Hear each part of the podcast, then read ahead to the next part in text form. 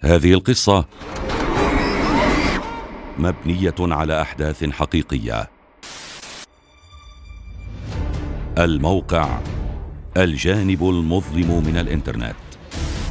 العصابة أكبر عصابات الإتجار بالفتيات والنساء في العالم. الضحايا فتيات قاصرات ونساء.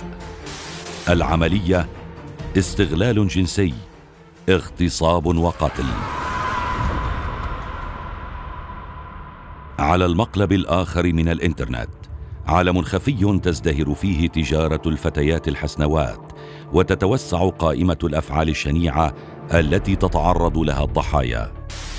كوكب مظلم من الإجرام التعذيب والإستغلال البشري الموت البطيء. واغتصاب الكرامات والحريات في عصرنا الجديد. فتيات يتم الإيقاع بهن عبر عروض على وسائل التواصل الاجتماعي تتقدم عبره الضحايا وتتواصل مع من تخاله بشريا.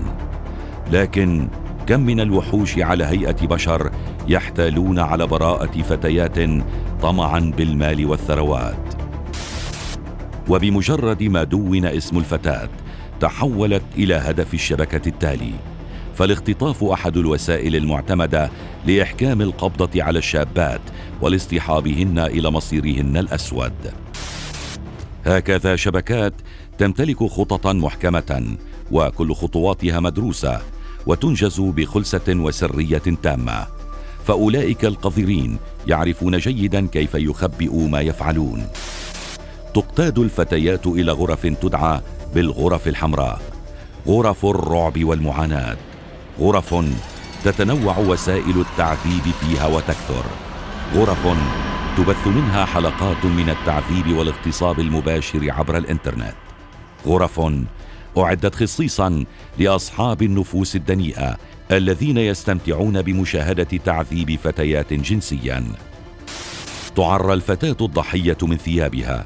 وتختار من قبل زبائن الشبكة مقابل مبالغ مالية خيالية.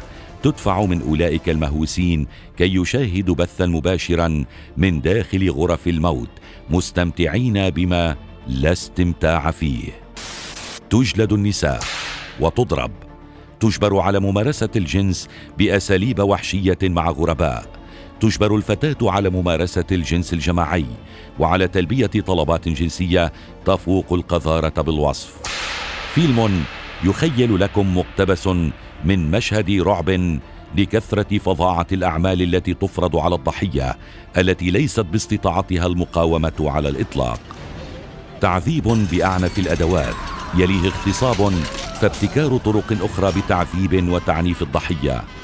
تقطيع أعضاء تناسلية وخضوع جنسي مرعب.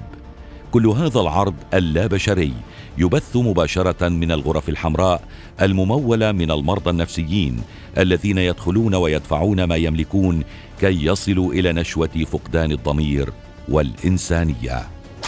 هذه الشبكات تنشط وتستغل المراهقات والقاصرات وتقودهن إلى طريق معتم من الممارسات القذرة المحفوظة على مواقع الإنترنت المظلم. ويكاد لا يخرج أحد من تلك الغرف حيا.